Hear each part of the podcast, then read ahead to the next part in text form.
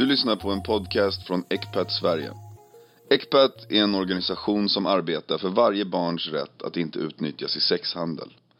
Genom förebyggande arbete slår Ecpat mot den efterfrågan och lönsamhet som driver handeln med barn framåt. Läs mer på ecpat.se.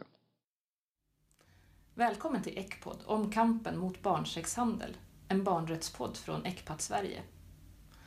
Det här handlar om svåra saker som vi helst inte vill se in i, men som vi måste lära oss mer om för att kunna se de utsatta barn och kunna hjälpa dem vidare. Jag heter Caroline Engvall och är journalist och författare och har skrivit flera böcker på temat sex som ångestdämpning, barn i svensk sexhandel och konsekvenserna av spridda, avklädda bilder och filmer på nätet. Och idag har jag med mig Mikaela Kellner som har arbetat inom polisen i drygt tio år, bland annat inom prostitutionsgruppen i Stockholm. Välkommen hit! Tack Caroline! Kan inte du berätta lite mer om ditt och ert arbete just inom prostitutionsgruppen? Mm. Eh, jag arbetade i Stockholmspolisens prostitutionsgrupp i cirka två år. Eh, våra främsta arbetsuppgifter i gruppen var att eh, försöka slå ut efterfrågan när det gäller att köpa sexuella tjänster. Eh, så länge efterfrågan finns av svenska män att köpa sexuella tjänster så kommer ju de föda eh, den grovt organiserade brottslighet som ligger bakom människohandel och så vidare. Eh, så vi jobbar med att gripa för sexuellt köp. Det var vår främsta arbetsuppgift. Sen också upptäcka nya kvinnor och män i prostitution och försöka hjälpa dem. Eh, och eh, också identifiera unga i prostitution som är det vi kommer att prata mest om idag. Och vi ska också prata förstås om det du såg kring förövarna och vilka det är som utnyttjar barn och unga och vuxna på det här sättet. Vi ska börja med att titta på en av annonserna. Eh, det handlar om en 18-årig tjej som skriver i rubriken på annonsen på nätet Buda på min oskuld. Och Mikaela, kan inte du berätta vad det är mm. hon har skrivit? Vår grupp då hittade en annons på nätet eh, som lyder så här, eh, rubriken Buda på min oskuld, tjej, snart 18 år. Jag fyller 18 år om ett halvår, bor i Stockholm. Hur mycket betalar du för att ta min oskuld? Den som budar högst väljer jag. Och vad händer då när ni hittar ett barn som finns bakom en sån här annons? Ehm, ja, eh, initialt när vi träffar ett sånt här barn så eh, nekar de oftast. Ehm, att att inte de eller ja, det blir väl en, en skyddsmekanism, det vet man själv om man gjort något dumt eller att man instinktivt gärna vill ljuga. Ehm, men sen blir det ofta en lättnad.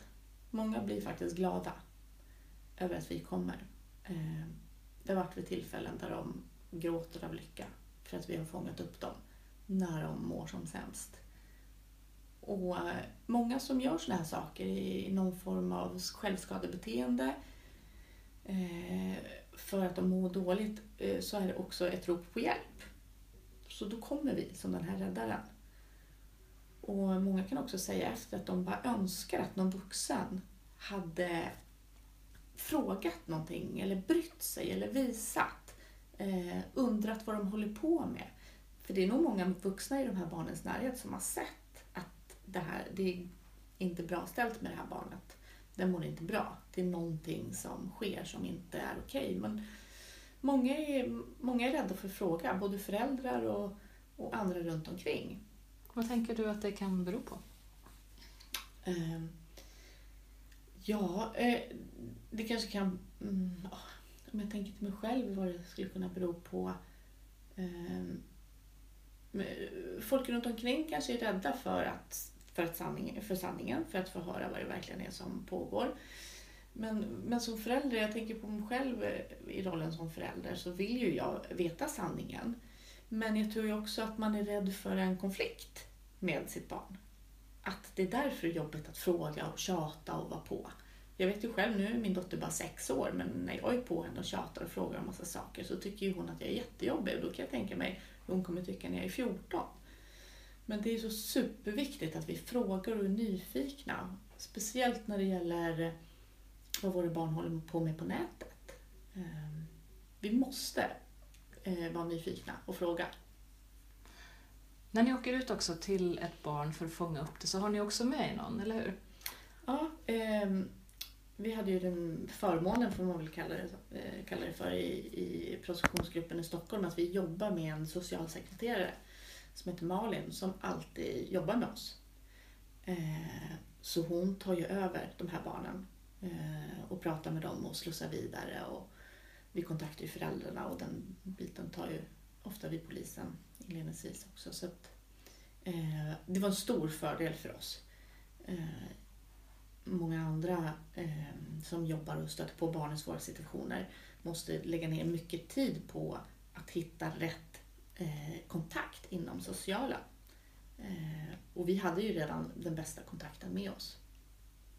Hur upplever du att föräldrarna reagerade när de fick reda på att deras barn var inne i något sånt här svårt? Och eh, också jätteolika. Från att bli superförbannade eh, till att vara superglada och tacksamma för att vi har liksom avslöjat deras barn och fångat upp deras barn. Eh, så det är väldigt, väldigt olika. Eh, jag minns ett fall med en pappa som blev riktigt förbannad. Eh, och det visade sig med lite närmare efterforskning att han kanske var en av orsakerna till att det här barnet gjorde sådana här saker i någon form av självskadebeteende. Kan du se någon form av mönster i de barn som du har mött? Eh, egentligen inte. För utåt sett kan man ofta inte se det. Det kan vara en, en helt vanlig välfungerande familj. Eh, det kan vara tjejer med, som fungerar väldigt bra i skolan. Jätteglada, positiva, de har fina betyg. Eh, man kan ofta inte se om det är något som ligger bakom någon form av sexuella övergrepp, våld i hemmet, eller varför de använder det här som något självskadebeteende. Um, en tjej som sa en gång att eh, dålig bekräftelse är bättre än ingen bekräftelse. Så det, det har varit lite olika orsaker men, men någon form av eh, frånvaro från vuxna är ofta en, en orsak. Du berättar själv att det kan ju vara svårt att veta hur man ska bete sig. Ens barn tycker man är jobbig när man tjatar mm. på dem och mm. frågar. Men att man samtidigt måste göra det. Mm. Hur tänker du kring hur man som förälder kan, kan prata med sina barn om det här svåra? Ja, eh, jag tycker själv att det kommer bli jättesvårt när min dotter når den åldern.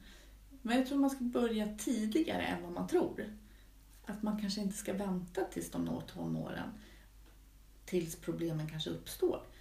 Men nu ehm, börjar de ju med Facebook, Instagram, Snapchat redan i lågstadiet. Så det känns som att det aldrig är för tidigt. Och likadant så går ju också åldrarna ner på de som köper sex eller utnyttjar andra. Mm, mm. Vad har du sett där i ditt jobb? Ja, eh, bland sexköpare så är ju åldern är ju väldigt spridda. Nu är de väl inte jättemånga men den yngsta vi har gripit är 14 år och den äldsta är 90 plus. Nu är inte de jättevanliga men, men det blir vanligare och vanligare att som ung köpa sex. Vad tänker du om den tendensen, vad det beror på? Oh, jag tycker att det känns hemskt men det, vårt samhälle blir mer och mer sexualiserat. Och eh, sociala medier är ju en bidragande orsak till det. Hur kan vi förebygga att våra barn inte går över att bli heller förövare i framtiden? Prata med dem. På samma sätt som att vi inte vill att de ska bli offer. Så är det lika viktigt att prata med våra barn och hjälpa dem oavsett vilken sida av lagen som det finns risk för att de hamnar. För inom prostitutionsgruppen så går ju ni in och, och griper en del av de här personerna på bar mm. gärning. Mm. Hur reagerar de när ni gör det? Och, um, de flesta skäms ju extremt mycket. Det här är ju ett extremt skamligt brott. Um, även fast eh, straffet är ju mer om man har slagit någon eh, på käften eller om man har tagit narkotika så är det här extremt skamligt. Och, ehm, så innan jag började jobba med det här då hade jag en föreställning om att det var den här ensamma, kanske på något sätt socialt handikappade mannen som köpte sex. Men tyvärr så är det inte så, utan det är, eh, ja, det är vanliga män. Eh, eh, jag ska säga att alla, alla män är inte potentiella sexköpare, men alla kategorier av män är representerade bland sexköparna. Så det, ja, alla åldrar, sociala, eh, sociala grupper, yrken, alla finns med. Nu pratar du om män, men ser ni kvinnor som köper sex? Jag har faktiskt aldrig gjort. Eh, och då har vi ändå letat. Eh, jag har aldrig, vi i gruppen har aldrig gripit en kvinna som har köpt sex. Men sen finns det både män och kvinnor som säljer, men då till män. Så det är ju det är ett mansproblem på den sidan, tyvärr. Vad tänker du kring eh, hur de reagerar? Ibland så kanske de förnekar, ibland kanske mm. de till och med tänker att de gör barnen en tjänst. Mm. Jag vet en del mm. sexköpare som har sagt att om inte jag hade köpt sex av det här barnet så hade någon annan mm. gjort det. Ja, precis. Bättre att jag gjorde det som i alla fall är snäll än att någon annan. Eh, ja, och jag blir ganska upprörd när man hör de ursäkterna eh, faktiskt. Eh, och det blir lite samma ursäkter när man köper av vuxna. Liksom, att de gör ju dem en tjänst för att ge dem pengar så slipper de sitta på gatan och tigga. De här brotten som vi pratar om nu, att vuxna personer köper sexuella tjänster av barn, de ger ju inte speciellt höga straff. Kan du berätta lite grann kring just det? Mm. Mm. Ja, det är faktiskt ganska skamligt. Eh, jag vet inte om det har förändrats, men eh, när jag jobbade med det här för ungefär ett och ett halvt år sedan, då var praxis 100 dagsböter om man köper sex av ett barn. Eh, och praxis för att köpa sex av en vuxen 50 eh, dagsböter. Och det är ju, eh, ja, jag kan känna att det är ett så mycket större ingrepp mot ett barn att göra en sån här sak. För vad ser du att konsekvenserna kan bli för ett barn som utsätts för det här? Hela livet kan bli förstört, såklart. Eh, barnens syn på sex, på sex och sin egen sexualitet. Eh, deras självförtroende. Ja. Mm.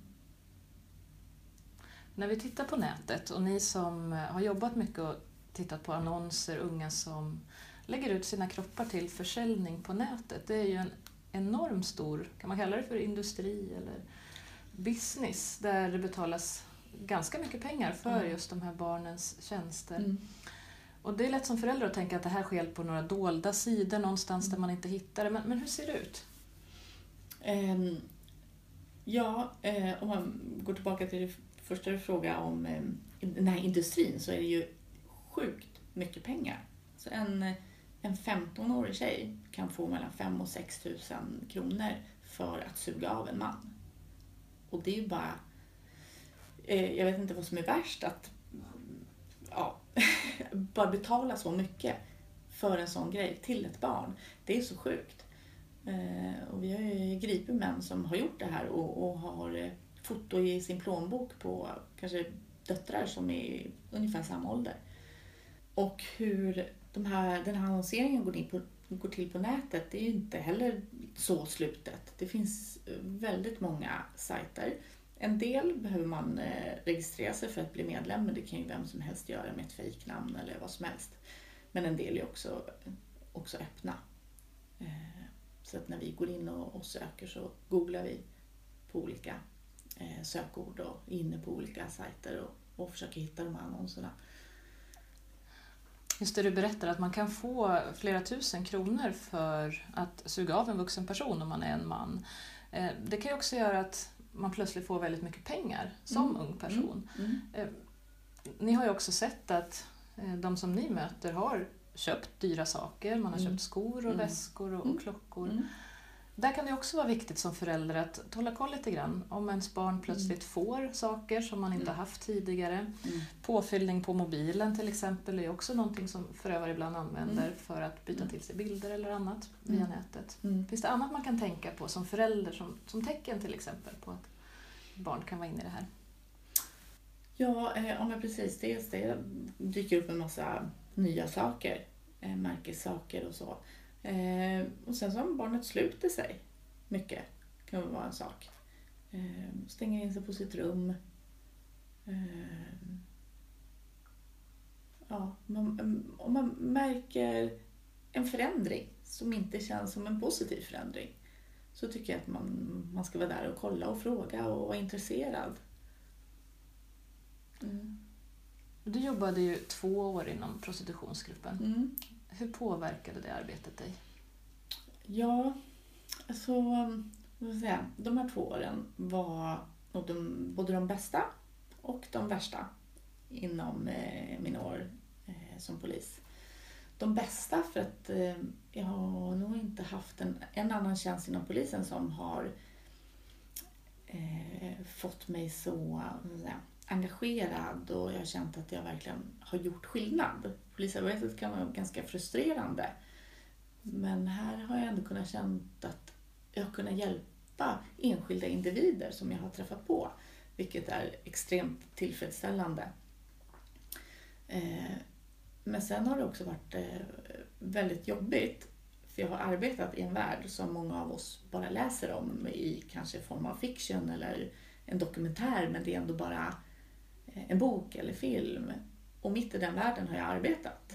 Och jag har så många gånger önskat att jag var lyckligt ovetandes om den här världen. Eh, men jag är ju inte det. Och därför känner jag att eh, för att vi ska liksom kunna göra något åt den här hemska mörka världen så måste fler få veta om den. Inte bara eh, du Caroline och inte bara vi som jobbar i den här prostitutionsgruppen. Vi måste förmedla det här vidare. För det är vi som vuxna och föräldrar som kan göra skillnad, som kan prata med våra barn och påverka dem till att inte hamna i det här oavsett sida om lagen. Och där har ju vi som föräldrar en väldigt stor möjlighet att börja mm. prata med våra barn tidigt. Alltså mm. egentligen så fort de börjar agera med andra på nätet mm. så riskerar de ju att möta de här personerna som, som inte alltid vill dem väl. Mm. Men vi ska ju också komma ihåg att vi måste prata med våra barn om allt det fantastiska som nätet ändå innebär. Absolut. Och att vi vuxna inte lägger vår egen moral och mm. våra tankar mm. kring det farliga på mm. nätet. Utan mm. för många unga så går det ju faktiskt också väldigt bra. Mm. Det vi pratar om idag är den extremt eh, utsatta, ganska lilla gruppen barn men som ändå är så viktig att mm. prata om eftersom de ofta inte pratar själva. Mm. Men i Sverige så har ju vi en lag som är ganska unik för, för just Sverige som brukar kallas för sexköpslagen. Mm. Eh, berätta Mikaela, hur fungerar den? Eh, den kom första januari 1999.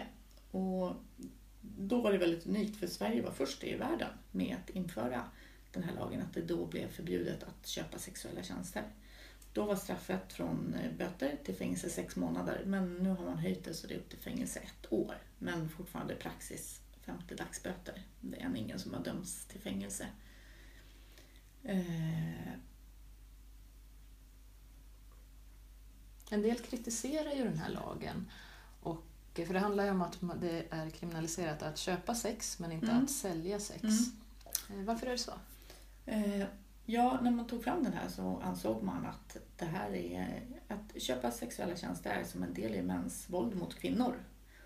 Eh, min erfarenhet och om jag kollar tillbaka under den tiden prostitutionsgruppen har funnits, jag tror det är åtta år som min förra chef jobbade med det här, Eh, under den tiden så är det ungefär 5% som eh, jag och han har träffat på av de eh, som befinner sig i prostitution som uttalat gör det av fri vilja. Som säger att de gör det här för att de vill tjäna pengar på det och inte mår dåligt av det. De andra 95 procenten gör inte det av fri vilja. De är antingen föremål för människohandel eller i någon form av självskadebeteende, vilket vi anser inte att det är frivilliga då. Så att man ser att man, man sparkar inte på den som ligger. De är offer. Därför är det inte kriminaliserat att sälja sex, vilket jag tycker är helt rätt. Jag är så nyfiken på just hur såg ett arbetspass ut för dig inom prostitutionsgruppen? Mm. Eh, ganska mycket kvällar jobbar vi. Ehm, så ofta när vi startar ett pass, kanske klockan 14 eller 15 på eftermiddagen, träffas vi i gruppen. Vi börjar ofta med att surfa lite på nätet eh, på alla de här sidorna där annonsen finns. Ehm, ofta fokus på att försöka hitta unga, men de är inte supermånga. De vuxna är ju många, många fler. Ehm, när jag arbetade så var det ungefär mellan ja, med runt 250 aktiva, unika annonser på olika sajter i, i Stockholm. Så att det finns ganska mycket att välja mellan. Så vi försöker lokalisera eh, någon eh, kvinna eller man i prostitution och sen så påbörjar vi spaning mot den. Så att vi hittar ju de här kvinnorna precis på samma sätt som eh, köparna hittar dem. Så påbörjar vi spaning eh, mot en, eh, ett hotell eller lägenhet eller där den kvinnan befinner sig då, som säljer sex och eh, griper då män som besöker henne. Och vi, eh, vi kan ju gripa flera män varje arbetspass. Ibland är det som rullande band. Hur känns det för er när ni är på väg att gå in i en lägenhet eller ett Mm. hotell? Ja, det är lite, det är lite olika. När det, när det sker på hotell då kan det vara lite enklare på ett sätt. För då kan vi ofta, vi har jättebra samarbete med många hotell och vi har också utbildat många hotell, eh, större hotellkedjor i Stockholm på hur man ska upptäcka prostitution och så vidare. Eh, så vi har bra samarbete och ofta ringer de till oss också. När de misstänker att det är prostitution på deras hotell så kommer vi dit och bedriver spaning där. Och då eh, kan ju vi lättare göra en husrannsakan. Om vi misstänker eller vet att ett brott pågår så kan vi gå in med fara i dröjsmål som det kallas, gå in och göra en husrannsakan för att avbryta pågående brottslig gärning. Så då kan vi använda en, en extra nyckel till hotellrummet och, och går ofta in på bar gärning. Eh, och, eh, det kan ju vara lite spännande eh, att avbryta ett, eh, mitt i ett sexköp. Ofta är det väldigt jobbigt för, för mannen. Händer det att de försöker fly?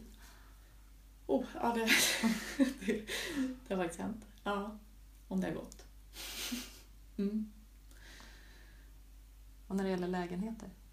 Ehm, Då är det lite svårare för oss att gå in, så då tar vi ofta på utgång. Så att vi står och lyssnar. Ehm, Och det är ofta mer lyhört än vad man tror. Så vi står ofta utan- utanför och lyssnar, ehm, kanske genom en brevlåda eller bara genom dörren och för att se om vi kan höra samlagsljud. Och så griper vi istället när de kommer ut, om vi inte kan gå in. Och vad blir reaktionen då? Då är? Då är det ju lättare för dem att förneka eh, när vi inte har tagit på bar gärning. Men, mm, men många, många erkänner faktiskt eh, till slut ändå. För de är så himla rädda att det här ska komma fram till deras fruar eller till någon annan i deras eh, närhet. Gör det det då?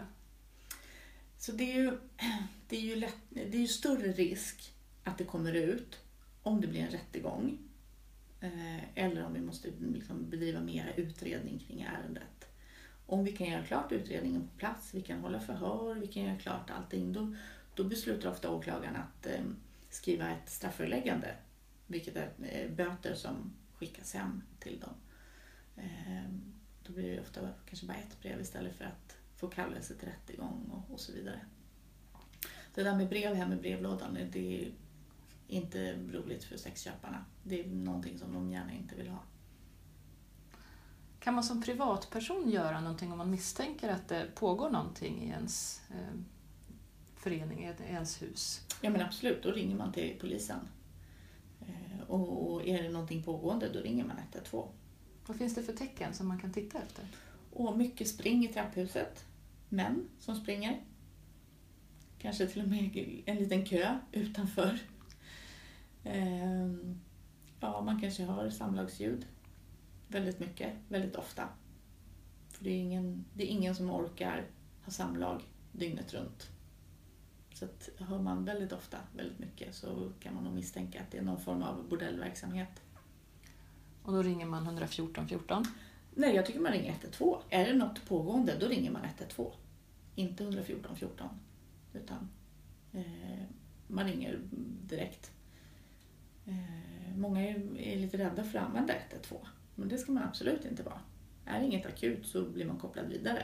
Bättre att ringa 112 än att ringa 114 14 och stå i telefonkö jättelänge och sen så är det för sent. Det här otroligt viktiga arbetet som, som du hade inom prostitutionsgruppen, Mm. det påverkade ju ändå dig. Faktiskt så mycket också så att du sen inte orkade jobba vidare.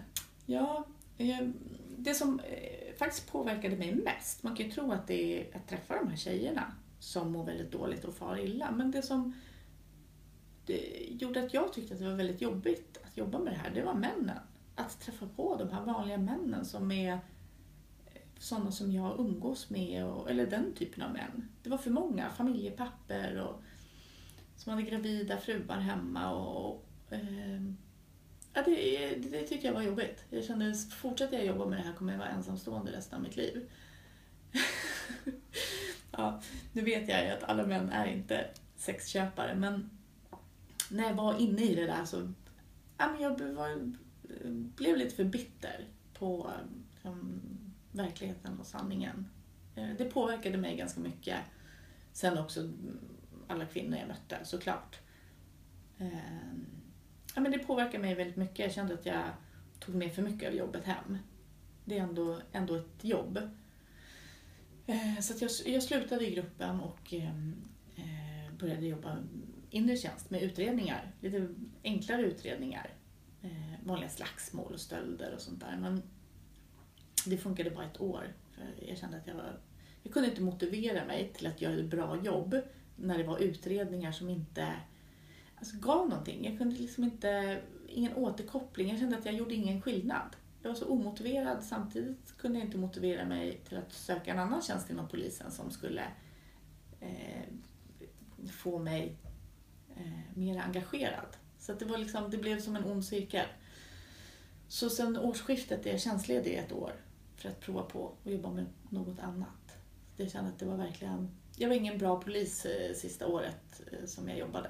Eh, det, det slet på mig lite för mycket, det jobbet. Samtidigt så ångrar jag inte att jag har gjort det, för jag har lärt mig så himla mycket, både om mig själv och om hur, om eh, hur världen fungerar.